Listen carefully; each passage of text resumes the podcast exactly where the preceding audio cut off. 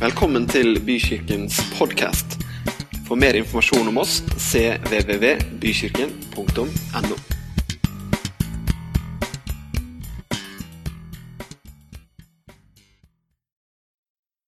Dere, I dag så har jeg lyst til å dele noen vers med dere. Og det er egentlig veldig sånn praktisk. Jeg vet ikke om det har slått deg hvor praktisk Bibelen er. Altså, Jo da, den har noen utlegninger om treenigheten som ingen av oss klarer helt å, å finne liksom dybden i. Noen som, har, noen som har funnet det? Kan vi avtale en dag på kontoret, så du kan lære oss det som ikke vi andre har skjønt? Jo da, det finnes mange storheter, det finnes mange ting. Men Bibelen er også en utrolig praktisk bok. Altså, Ta bare brevene til Paulus, f.eks. Jo da, de begynner med noen guddommelige åpenbaringer om, om, om, alt hva vi har fått, og, og, alt hva Jesus har gjort, men så ender det liksom opp i veldig sånn derre Ja, men sånn og sånn og sånn bør man leve.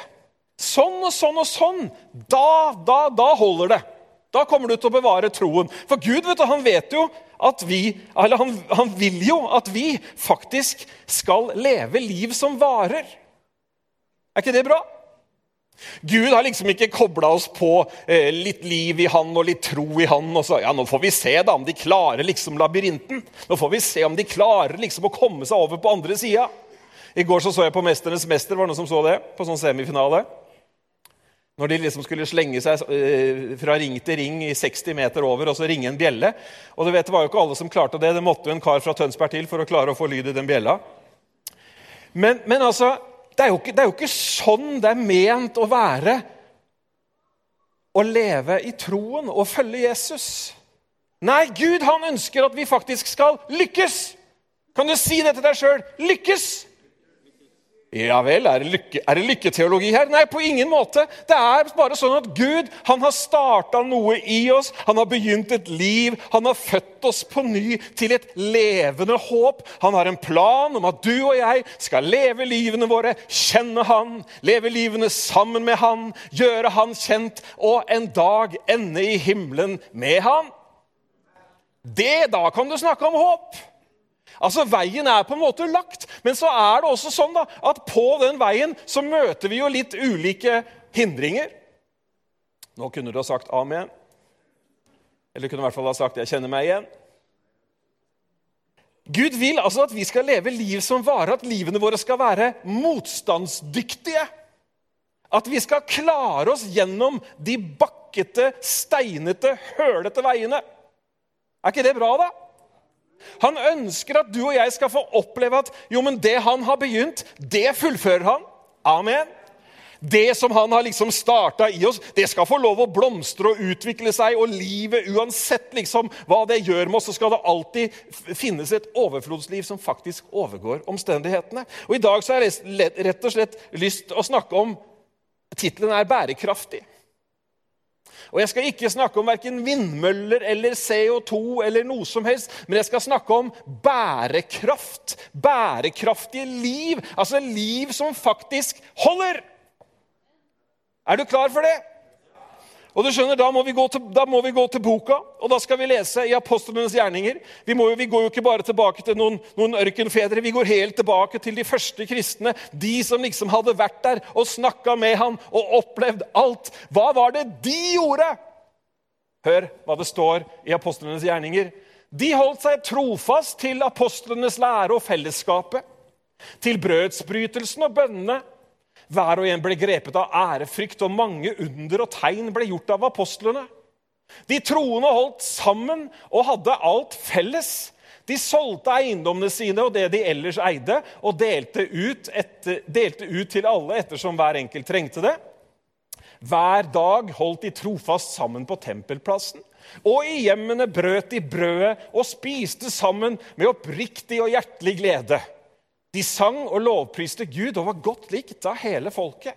Og hver dag la Herren til nye som lot seg frelse. Det er veldig mange ting man kan trekke ut av denne teksten. og Du har sikkert hørt de prekener om de fire b-er og det ene og det andre. Men jeg har lyst til, jeg har lyst til å sentrere det jeg skal si når jeg snakker om bærekraftig liv, rundt tre ord i dag. Jeg har lyst til å snakke om retning, jeg har lyst til å snakke om relasjoner, og jeg har lyst til å snakke om rytme. Og Hvis vi tar det neste bildet, så skal du se hvordan dette her faktisk finnes i denne teksten. Det finnes rytme, det finnes retning, og vi ser at det å være i relasjon med andre er veldig tydelig. Så nå leser jeg teksten en gang til, og så, ikke, eh, så ser du at det står noe med store bokstaver innimellom der. De holdt seg trofast. Rytme. Trofast. Til apostlenes lære, altså det som gir retning, og til fellesskapet, relasjoner. Og bønnene det er noe som gir retning, og hver og en ble grepet av ærefrykt og mange tegn og under. Her kunne vi lagt inn et R-ord til, men det har vi ikke tid til i dag. Her kunne vi snakke om resultater. For du skjønner at Disse tingene her, det, det skaper faktisk noe. Alle de troende holdt sammen. Det var relasjoner og hadde alt felles. Hver dag rytme holdt de trofast sammen. Relasjoner på tempelplassen, relasjoner i hjemmene. De var sammen med andre mennesker. Og de brøt brødet. Det gir retning. Da konsentrerer vi oss på hvem det er vi faktisk tilber og tjener. Og spiste sammen med oppriktig og hjertelig glede. Relasjoner. De sang og lovpriste Gud. Retning. Har du merka hvordan det er når, vi, når bandet drar på her og leder oss i lovsang? Retning. Det er viktig. Det er kjempeviktig. Men la oss begynne med det første retning. De holdt seg til apostlenes lære. Og Det jeg da prøver å forfekte i, lille, eh, i dette lille forsvaret av denne doktorgraden på bærekraft, er at retning er vesentlig for å nå fram. Og det å faktisk ha en retning i livet, det gjør at du kommer fram til målet. Retning er helt avgjørende hvis du skal komme til et mål. Hvis du bare går hit og dit, så kommer du faktisk aldri fram til noe. Og retning handler faktisk i denne, denne situasjonen her, så handler det faktisk om en troskap mot læren. Læren, ja. Ok, Vi er der i dag, liksom. Vi skal, gå inn i, gå inn i dyp teologi. Nei, vi skal kun i dag snakke om læren ut fra overskriften 'lære'. Men det er tydelig i Bibelen når jeg skal vise deg noen skriftsteder, at det er ikke uvesentlig. For læren er like viktig som en retning. For det er ikke sånn at læren, altså læren om Jesus, teologien, læren om Gud, at Bibelen skyter i den retningen og den retningen og den Nei, på ingen måte. Nei, Bibelen er nemlig tydelig på at summen av Skriften er sannhet. Og jeg, jeg, Nå var det morsomt at vi hadde Bibelbutikken her i dag. Det tenkte ikke jeg på akkurat da. Men altså, den, den der The Message som jeg fikk På 90-tallet var jeg en ivrig bruker av The Message på engelsk. Så jeg har jo faktisk oversatt ganske mange bibelvers til norsk fra den engelske The Message som jeg har brukt når jeg har prekt, og spesielt til ungdommer, fordi at det var så utrolig bra. Og det morsomme er at jeg ser jo nå at det er en av jeg som har vært ansatt hos meg tidligere, som har oversatt den til norsk. Så er, den, den, boka har jeg et, forhold til. Men du skjønner at Bibelen, læren, er helt essensiell i et bærekraftig liv. Å gå en vei betyr å gå i en viss retning. Du kan ikke gå til Stockholm og Gøteborg samtidig. Du kan ikke reise til Kristiansand og Haugesund samtidig. Jo da, kanskje, kanskje noen kilometer beveger du deg i ca. samme himmelretning, men å gå betyr en viss retning.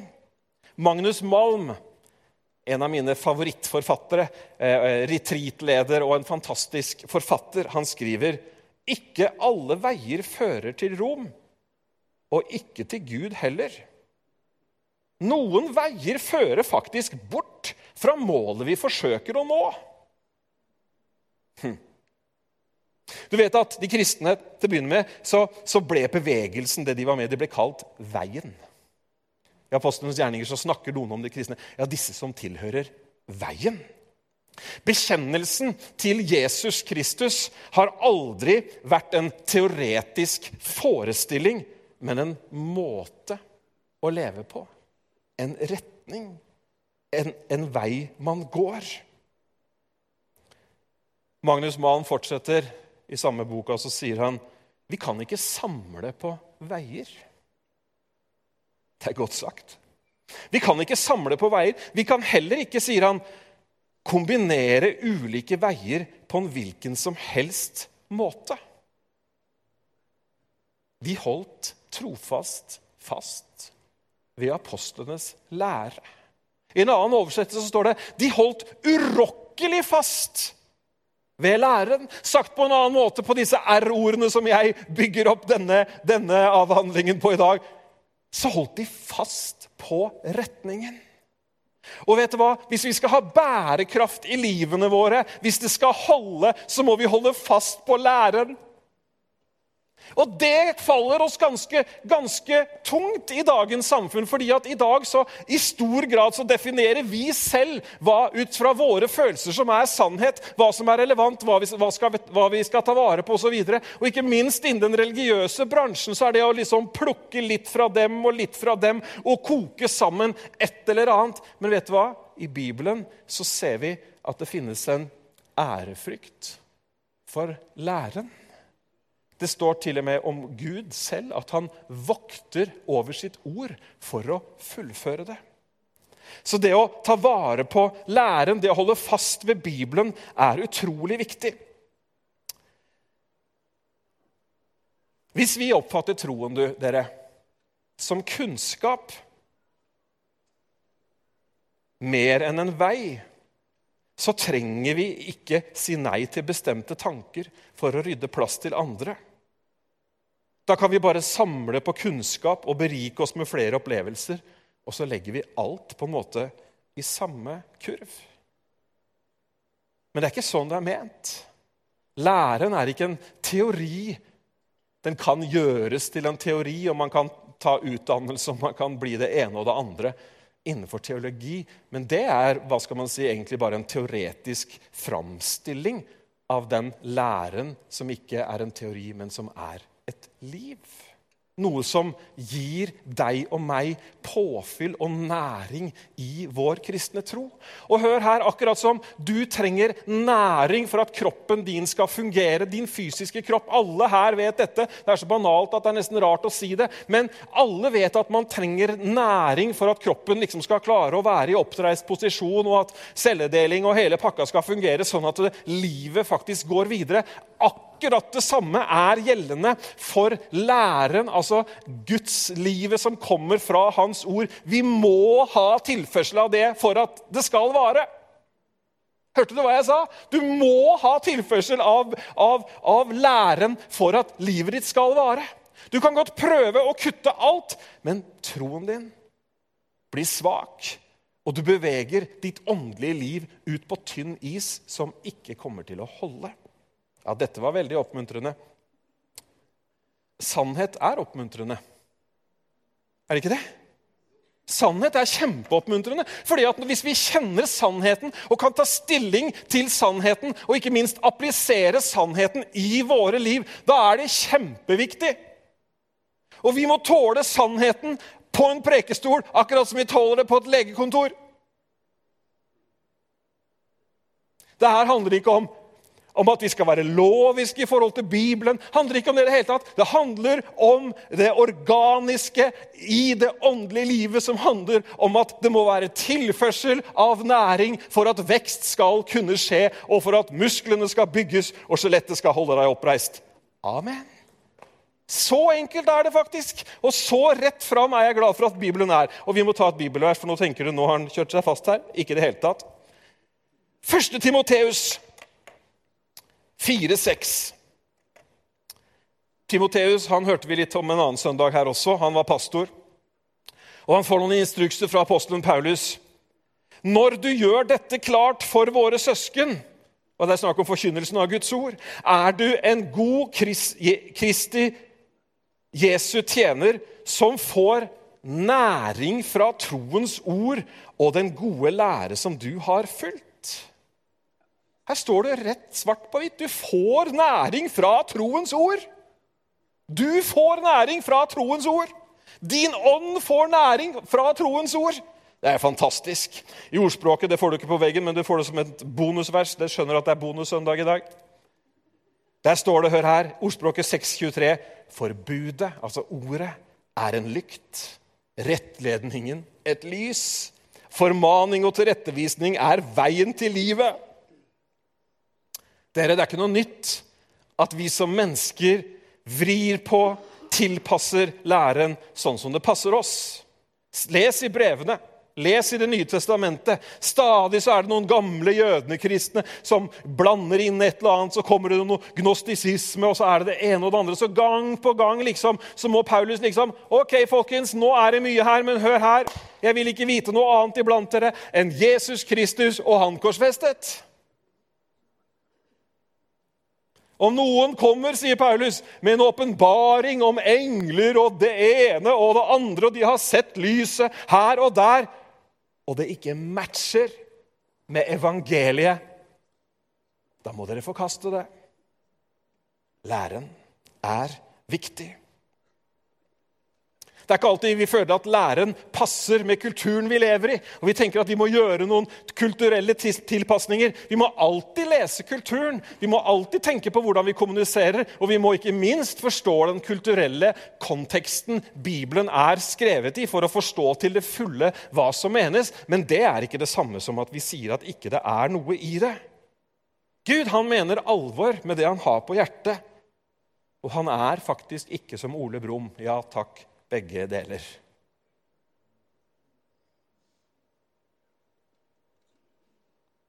Vi skal gå noen vers videre i Timoteus før vi går til neste. Og det er ti vers seinere, vers 16. Gi akt på deg selv og på læren. Fortsett med det, for gjør du det, skal du frelse både deg selv og dem som hører deg. I hverdagsbibelen så står det 'fortsett med det du gjør'. Vær nøye med å leve rett og forkynne rett lære. Da vil både du og de som hører deg, høre på deg, bli frelst. Og vi tar med et bibelvers til. Den som i 2. Johannes 1,9 Den som ikke blir i Kristi lære, men går utover den, er uten Gud. Ok, Så det er altså en forbindelse mellom Gud og læren. Altså Det er med andre ord sammenheng mellom liv og lære. Du kan ikke forkaste læren, du kan ikke forkaste sannhetene Gud forfekter, om du vil, eller Gud står for, og så forvente at Gud skal være en del av pakka fortsatt. Den som ikke blir i Kristi lære, men går utover den, er uten Gud. Men den som blir i læren, har fellesskap med Sønnen og med Faderen. Er du enig i at siste delen av verset var veldig mye mer positiv enn første? Det er, ikke rart at, ikke rart at de holdt urokkelig fast ved læren. For hvis de holdt urokkelig fast ved læren, så hadde de fellesskap både med Sønnen og Faderen. Og det er vel der vi vil være. Der hvor vi er kobla på Jesus, der hvor vi er kobla på Gud, der hvor himmelens skaper er vår gode far, og der hvor verdens frelser er vår bror og næreste venn. Halleluja. Kjente jeg ble glad, vet du.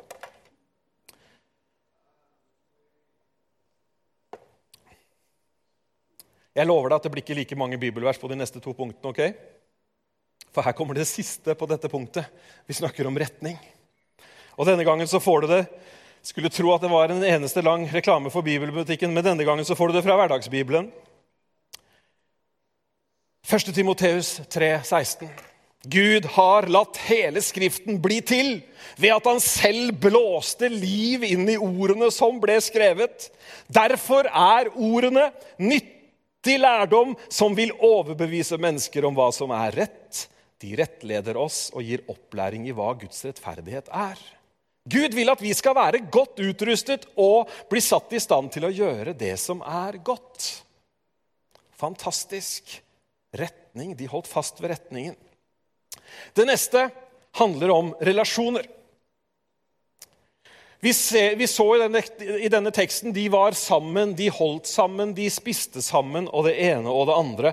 Og vi som mennesker, vi er faktisk skapt for å leve sammen med andre mennesker. Og så er vi ulikt skrudd sammen, så noen liker holdt på å si, å leve sammen med mange. det var ikke det jeg skulle si, men Noen liker mye folk hele tiden, og andre liker ikke så mange folk av gangen. Men vi er skapt på en sånn måte at vi utfyller hverandre. Og nå må jeg ha litt hjelp her. Skal vi se Jeg trenger eh, dere tre. Stian, ikke deg, de jentene bak der.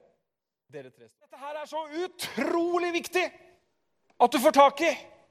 For skjønner at Det at de kom sammen, handla jo ikke bare om at ja, det er så koselig å komme sammen, og fyrstekaka er jo like god som i fjor. Det er så hyggelig med kafé. Ja Det handler om at når man kommer sammen så kan man spille hverandre gode. Man kan faktisk være den sekundanten som sier at vet du hva, nå, og Noen av disse sekundantene vet du, det er jo folk som faktisk har drevet med akkurat den samme idretten på et eller annet nivå tidligere. Eller i alle fall som har så kjennskap til hva som kreves for å klare å komme seg opp den bakken at de, de putter på med så mye fuel at de heier de fram sånn at de vinner. Tror dere at de første kristne de som vi leste om i Apostelens tror dere det var noe motstand? eller? Kjære min tid, det var jo fengsler og tull og tøys på annenhver side. Du må lese apostlenes gjerninger. Truslene hagla jo, men de kom sammen hver dag. De kom sammen hver dag. Nå må jeg få litt hjelp av eh, skal vi se, Stian og eh, Marius. Kom opp hit. Torgeir også. Gutta, opp hit. Sånn, ja. Ja, nå kom de sammen, ja. Nei da, de kom sammen, skjønner du. De kom sammen, gutter. Dette skal vi klare. Har du hørt hva de holder på å true oss med nå? Men vet du hva? Du har det i deg, vet du! Du har det i deg! Du veit det! Og du husker at Gud han gjorde det jo forrige gang òg. Husker du bønnesvaret, eller? Ja, nå husker du det i hvert fall. Nei, men man må jo sette litt mot i hverandre. Amen. Det står det da de kom og så brødrene, fikk de nytt mot. Og Det var bare å se på dem, og det kan du jo skjønne når du ser på oss. Se på oss nå, så bare ta nytt mot inn. Kom igjen. Kom igjen. Får du nytt mot? Ja, Da må du åpne øynene hvis du skal se på oss. Ja, ja, ja. Karin får nytt mot. Det er bra. Amen. Niklas også. Ja, se her. Altså, hvis, hvis vi kunne klare det til nå, så kan vel du òg? Ja, men hallo! Jeg ser jo på noen av dere her som har fulgt Herren dobbelt så lenge som meg. Nei, ikke fullt så lenge, da, men noen ganske lenge. Jeg får jo nytt mot! Jeg tenker de har jo holdt fast. Det var ganske hyggelig å stå sånn, men vi må jo videre i den prekena. Takk skal dere ha.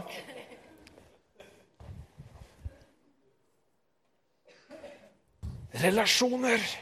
Et bærekraftig liv har relasjoner, ikke bekjentskaper. Og hør her, Vi lever i en sånn digital, sosial tid som er blitt ganske så spesiell. Sosiale medier har faktisk ikke gjort oss mer sosiale. Vi har fått, Avstanden har blitt korte, og vi har fått verden inn i stua, men vi sitter jo der alene. Har du tenkt på det? Vi trenger ekte mennesker som snakker sant om livet, og som kan bety noe for hverandre, og som ikke setter opp en fasade når man kommer sammen, men som lar tårene falle hvis det er det humøret du er i nå. Hvis det er situasjonen, så man kan be sammen, så man kan dele håpet sammen. Kjempeviktig. Mens vi har fått sosiale medier og blitt mindre sosiale, så er det noe annet som har økt. Psykiske lidelser har økt. Og vet du hva? Det er, mye, det er, veldig mye bra digitalt. og vet du hva? Det finnes jo helt fantastisk. Altså, du, du, det er jo podkaster fra verdens beste forkynnere og pastorer. og vet du hva? I love it! Det er fantastisk! Er det ikke det? Men de kan aldri erstatte deltagelsen i, en, i et levende fellesskap med ekte mennesker. Bruk det gjerne som påfyll. Bli litt inspirert. Men hvis du tenker at vet du hva, det er ikke så farlig om jeg dukker opp for jeg hører på han der eller hun der, og de er bare råbra, kan aldri erstatte levende mennesker. En halvtimes TV-program på en kristen kanal er ikke en erstatning for en life-gruppe en onsdagskveld. Og Jeg sier ikke noe galt om de halvtimesprogrammene. Det er veldig mye bra som lages. Så fortsett å se på det. Jeg snakker ikke om det. Men det er ikke en erstatning for de troende som kom sammen og hadde alt felles, og som delte liv. For når du kommer sammen en onsdagskveld eller en annen kveld og får høre en kar som snakker ærlig om hvordan ting er, som deler fra sitt liv, enten det er glede eller sorg, så får jeg en mulighet til å være den som er med på å gjøre en disippel, den som er med på å peke på Jesus, den som er med på å sette mot dem, og så betyr man noe for hverandre. Det er viktig. Det er mye bra på YouTube, men de besøker deg ikke når du trenger det. De sender ikke en SMS engang når du har det tøft. Skjønner du nå balansen Ingen av de tingene her er feil på noen måte, men vi trenger å ha relasjoner i livet vårt, sånn at livene våre blir bærekraftige. For han vil at vi skal lykkes. Han vil at vi skal fullføre løpet. Han vil at vi skal få oppleve den rikdommen det er å stå i relasjoner med andre mennesker. Og den siste, den, den, En av de siste her på dette punktet, som du ikke må misforstå, men forstå meg rett når jeg sier dette du trenger gode venner, du trenger dype relasjoner med mennesker som deler din tro. Jeg sa ikke at ikke du skal ha venner som ikke tror. Jeg sa ikke at du skal være, eh, du skal være eh, et lys i, i mørket i, uli, i, ulike settinger du er, enten det er i, i, jobb eller fritid eller idrett. eller hva som helst. Sier ikke det i det hele tatt, men du trenger venner dype relasjoner med mennesker som deler din tro. Det gjør du. Vi er rare, vi mennesker. Vi skal alltid sette ting opp mot hverandre. Ja, ja, nei, jeg kan ikke være med på det, vet du. for da, når skal jeg da få tid til noen? Nei, vet du hva? Dette er liksom det første av det første. Og at man bruker tid på de tingene som gir bærekraft i livet. Og du trenger de vennene. Støtte og hjelp. Bibelen sier at vi skal bære hverandres byrder og på den måten oppfylle Kristi lov. Bibelen sier at vi skal være gjestfrie, at vi skal vise godhet, og særlig mot de som er av troen. Spesielt mot de som vi deler tro og, og evighet med. Dere, hva skjer når man står sammen? Hva skjer når man deler fellesskap. Snu deg til en eller annen sidemann du har. Altså bare rent sånn menneske, Hva som skjer hvis man liksom bruker litt tid sammen? Du har fått 20 sekunder, så må forte deg å bruke det. Jeg ser at noen koner bare lukker øynene og lener seg inn til mannen og venter at han skal si noen hyggelige ord inn i øret. Sjekk hvem du sitter ved siden av først. Hva er det som skjer nå? Hva er det som skjer, liksom?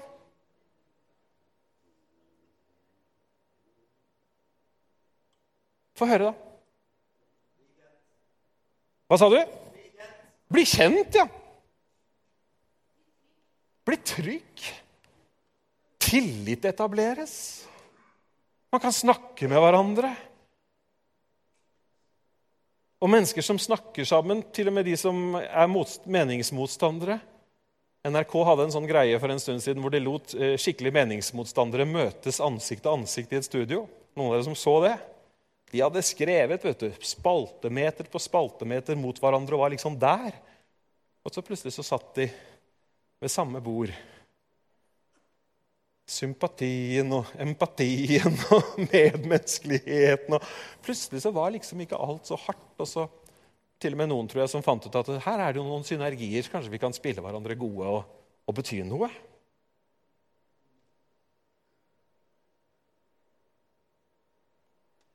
Vi er forskjellige, men vi hører sammen.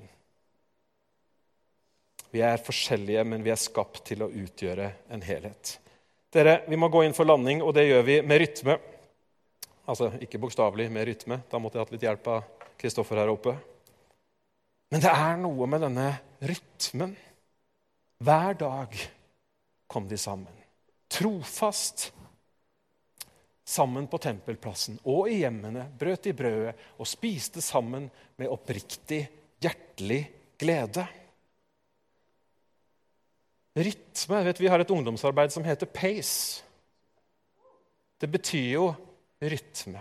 Dette som går. Dette som ikke stopper, akkurat som klokka. Tikk, takk. Ryt, altså Livet skal gå videre. Det er, det er, liksom noe med, Og det er noe med å, å faktisk også ha, den, å ha rytmer i livet sitt som hjelper oss, og som blir liksom som en slags maskineri. her ser du noe tannhjul på bildet, som bare får tingene til å skje. Klokka, klokka passerer hel, ikke sant? og så en ny time. Og så går det. Og på samme måte så trenger vi sånne rytmer i livene. Og det er ikke bare som et sånt hva skal man si, godt leveråd at prøv å finne deg en rytme, men rytme er lagt ned i hele skapelsen. Dagen som avløses av natt. Årstider som går i syklus. Solsystemet vårt. Og ikke minst i skapelsen så viser Gud oss en rytme på den syvende dagen da Hva gjorde han da? Da hvilte han, ja. Fordi Gud var sliten? Han blir jo ikke sliten. Men som et eksempel på en rytme som er med på å gjøre livene våre bærekraftige. Det er interessant også at Det er mange ting Gud gjorde, men det står om sabbaten at han helliget den. Vi trenger å ha disse rytmene hvor vi får hvile, hvor vi får, hvor vi får koble av. Og, og det er én rytme. En annen rytme er at vi Du skal få en liten liste om, om litt. En annen rytme er, er det at vi dukker opp på tempelplassen eller på søndagene i hjemmene. Vi tilhører et fellesskap. Vi har, det, vi har det som en vane. og du vet, Styrken i en vane er at du bare gjør det også de gangene hvor du egentlig ikke tenker på hvorfor du gjør det. Har du, har du noen sånne vaner som du bare gjør? Tenkte jeg, i herligheten, Har jeg gjort det nå? Har jeg pussa tenna, eller har jeg ikke pussa tenna? Hender at det går på vane. Jeg håper det går på vane. Vane, rytme, blir en sånn ting som det skjer, og så skjer det, og så skjer det, og så skjer det. Og fordi du pusser tenna og pusser tenna og pusser tenna, så holder tenna seg bra, så er munnhelsen god, så slipper du gebiss når du er 40 år, og så bare blir det et produkt. Ja, Det var et banalt eksempel.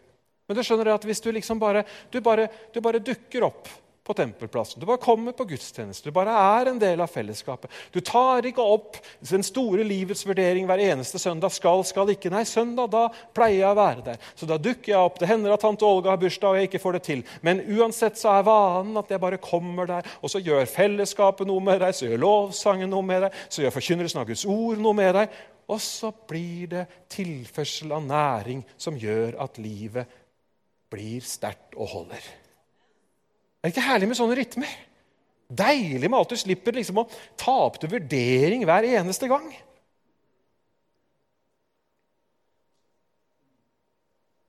Og så har vi liksom unnskyldningen ikke sant, at ja, det er så vanskelig å få til sånne rytmer, for jeg er så travel. Da må du, da må du ta deg en pause, og så må du få, få tingene i riktig rekkefølge. rett og slett. For det hjelper jo ikke å være så travel og så en dag bare stupe. Nei, men Bibelen snakker om disse rytmene. Når dere kommer sammen, ikke hvis dere kommer sammen. Når dere ber. Ikke hvis dere ber. Når dere faster. Altså det som skjer og skjer, det regelmessige. Og vi skal se helt til slutt nå på noen gode rytmer. Å lese eller høre Guds ord i en, i en regelmessighet, det gjør noe med oss. Jeg garanterer deg. Vet du, vet du hvor mye tid du hvis du skulle ha et ønske om å komme gjennom Bibelen på seks måneder Vet du, hvor lang tid, vet du, vet du hva du må ofre? én time. Litt an på lesehastighet, da. Men i snitt, hvis du kutter ut én time med en eller annen skjerm, så er du gjennom hele Bibelen på et halvår. Det er jo litt interessant. Jeg fikk en sånn øyeåpner når den der bibelappen eh, kom. Eh, hva heter den, den der Tro og medier, hvor, de, hvor han fyren leser Bibelen. tenkte jeg, herligheten, takke, takke Kolossebrevet flere minutter enn det der. Det er jo ikke en dagsrevy engang. Men det er interessant. Rytmen Ja, må jeg det, da? Nei, jeg sier ikke at du må, men du får lov. Må jeg få litt næring inn i kroppen min, da? Kanskje det er lurt. B er en sånn annen rytme. Handler om å utvikle den viktigste relasjonen du og jeg har. Må du be? Nei, men du får lov. Får lov å ha fellesskapet med far. Får lov å være i samme rom med Jesus om du vil. Og den andre rytmen som jeg allerede har sagt ganske mye om, å delta i fellesskapet. Smågrupper og gudstjenester. Det former deg, og du former andre. Og da er vi jo inne på kjernen. Vi skal jo være etterfølgere som gjør nye etterfølgere. Vi skal jo være disipler som gjør disipler. Og Da må vi jo komme oss til et sted hvor det er noen andre som også holder på å bli disipler. Med på tanke? Veldig bra. Så har du andre rytmer, som å delta i brødsbrytelsen. Gjør dette så ofte dere gjør det til minne om meg. Fokuset, en constant reminder på hva Jesus har gjort. Så er det andre rytmer, som det å være med å tjene i Guds rike. Tjeneste for Gud og menneskene rundt oss. Så er det en annen rytme. Og Vi kunne nevnt flere, men en annen rytme det å bære for å bruke bibelspråk, det å bære tienden inn i Guds hus. Eller det vil si altså å gi 10% En rytme. Jeg tar det ikke opp til vurdering hver eneste måned har eh, latt banken ta vurderingen for meg. Jeg har bare fortalt hvilken dato det skal skje. Rytme som er med på å skape noe i hjertene våre og livene våre. Tror du det er en grunn til at retning er så viktig? At læren er så viktig? Ja, fordi det fører et sted. Kan det være at resultatet av å være sammen i gode relasjoner Kan det være at det hadde en skikkelig påvirkning på livene deres? Hvor mange tror det? Indeed. Og blant disse første, vet du, og det her er jo tidlige apostlenes gjerninger, så ser vi jo at mange av de som var med der, tydeligvis ble sånne ble på en måte folk som gjorde disipler, folk som tok lederansvar, folk som var i tjeneste osv. Tror du at rytmen har noe for seg utover det å legge beslag på noen minutter hver dag eller hver uke? Garantert. Garantert. Vi skal eh, reise oss opp og be sammen.